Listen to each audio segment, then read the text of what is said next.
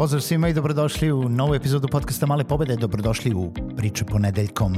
Ovo je poseban serijal koji ide ponedeljkom a, i koji se tiče satiričnih, humorističnih, edukativnih i interesantnih priča koje ćemo pokušati da pričamo ponedeljkom koji nemaju baš mnogo veze sa konkretnim savetima, ali ukoliko se jako zapitate, možda možete izvući nešto iz njih.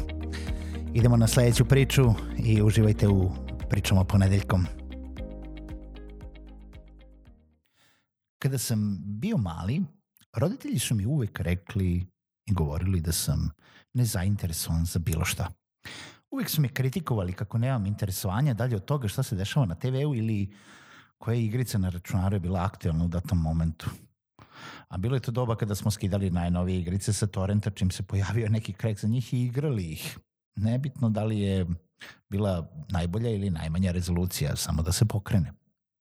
Istina je da sam bio nezainteresovan. Nisam bio zainteresovan ni za školu, nisam bio zainteresovan ni za sport, nisam imao nikakav hobi. U onom periodu kada su još mogli da utiču na mene krajem osnovne i početkom srednje škole, mo, moji roditelji su smislili da bi bilo idealno da radim nešto preko leta, da se zaposlim onako part time. Da steknem neko iskustvo. A mene su dobili na činjenicu da bih mogao da zaradim nešto sa strane. Nikada pre toga nisam zaradio ništa sam. Ja sam bio oduševljen idejom. Još više jer sam imao utisak da bi mogao da biram šta ću da radim i baš mi je nešto zapalo za oko. Od prve godine kada mi je to predloženo i svake godine nakon toga moj cilj je bio da radim u videoteci. E sad, mnogi mladi danas nemaju ni pojma šta je videoteka.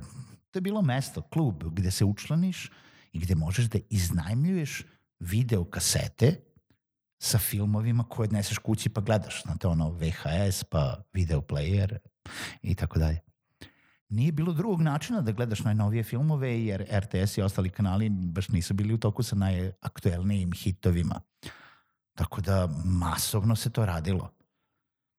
Još bolje, kada bi radio u videoteci, osim što sediš za pultom i dodaješ kasete svima onima koji dođu da ih iznajme, znaš sve o filmovima, gledaš filmove po ceo dan. Jao, majko moja, pa to je bilo ostvarenje snova u to vreme.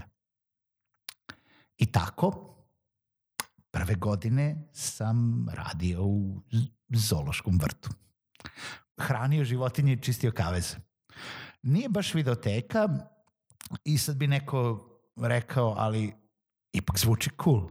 Kao, hraniš lava, rizikuješ život, postaješ heroj dece koje dolaze u posetu i na kraju leta najbolji prijatelj sa tigrom koji ne pušta nikom drugom da mu se približi. Ni, nije bilo tako. Radio sam u zoološkom i čistio kabze od ptica od 6 ujutru do 10 pre podne, e, pre otvaranja vrta, a kada nisam radio to, onda sam okopavao i polivao sadnice koje su imali radi održavanja flore u, u, u zoološkom. Tako je prošlo prvo leto. A pošto sam izgleda radio, jer sam to jako želeo, kako je to bilo predstavljeno, obavestili su me da mogu i sledeće godine da se javim kao volonter, kao i ove. I tako je došla i druga godina. Ponovo nada za rad u videoteci, to je dalje jurimo svoje snove. I tako sam ja mesec dana radio u mašin bravarskoj radionici. Ta godina i nije bila tako jako loša.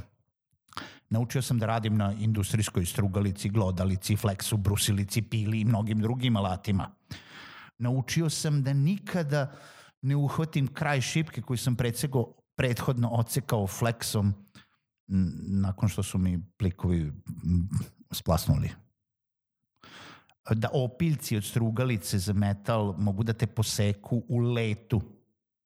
Ne, naučio sam mnogo stvari.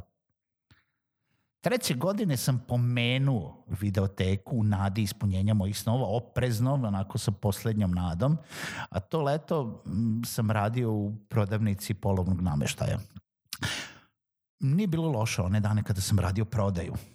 Bilo je momenta i da mi je bilo sasvim okej. Okay. Onda je obično došao poziv da odemo po neki stari troset koji treba da dovučemo sa nekog trećeg sprata. A da ne bude da smo samo prenosili nameštaj, bilo je tu i zanatskog posla, preslačenje starog tapacerunga kada je to trebalo.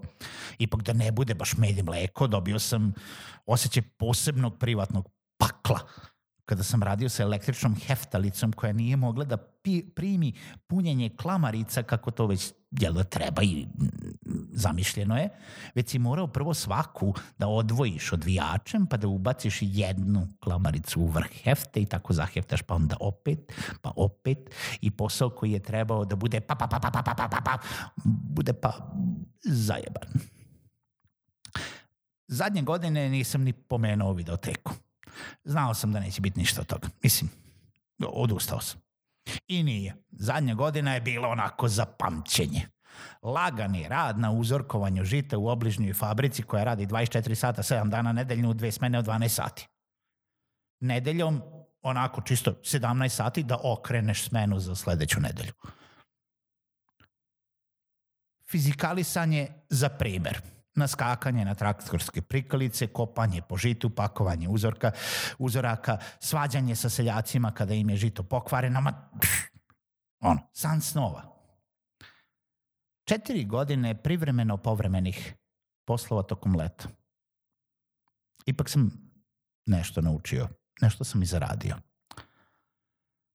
Tada sam dobio novo poštovanje za sve fizičke radnike. Tada sam takođe znao da želim da uradim sve da ne budem fizikalac u životnom pozivu, ali da ništa nije sramota raditi. Ništa. Moje poštovanje od tada imaju sve zanatlije, ali i oni koji kopaju kanale, skupljaju đubre ili čiste ulice. Čujemo se u nekoj narednoj priči.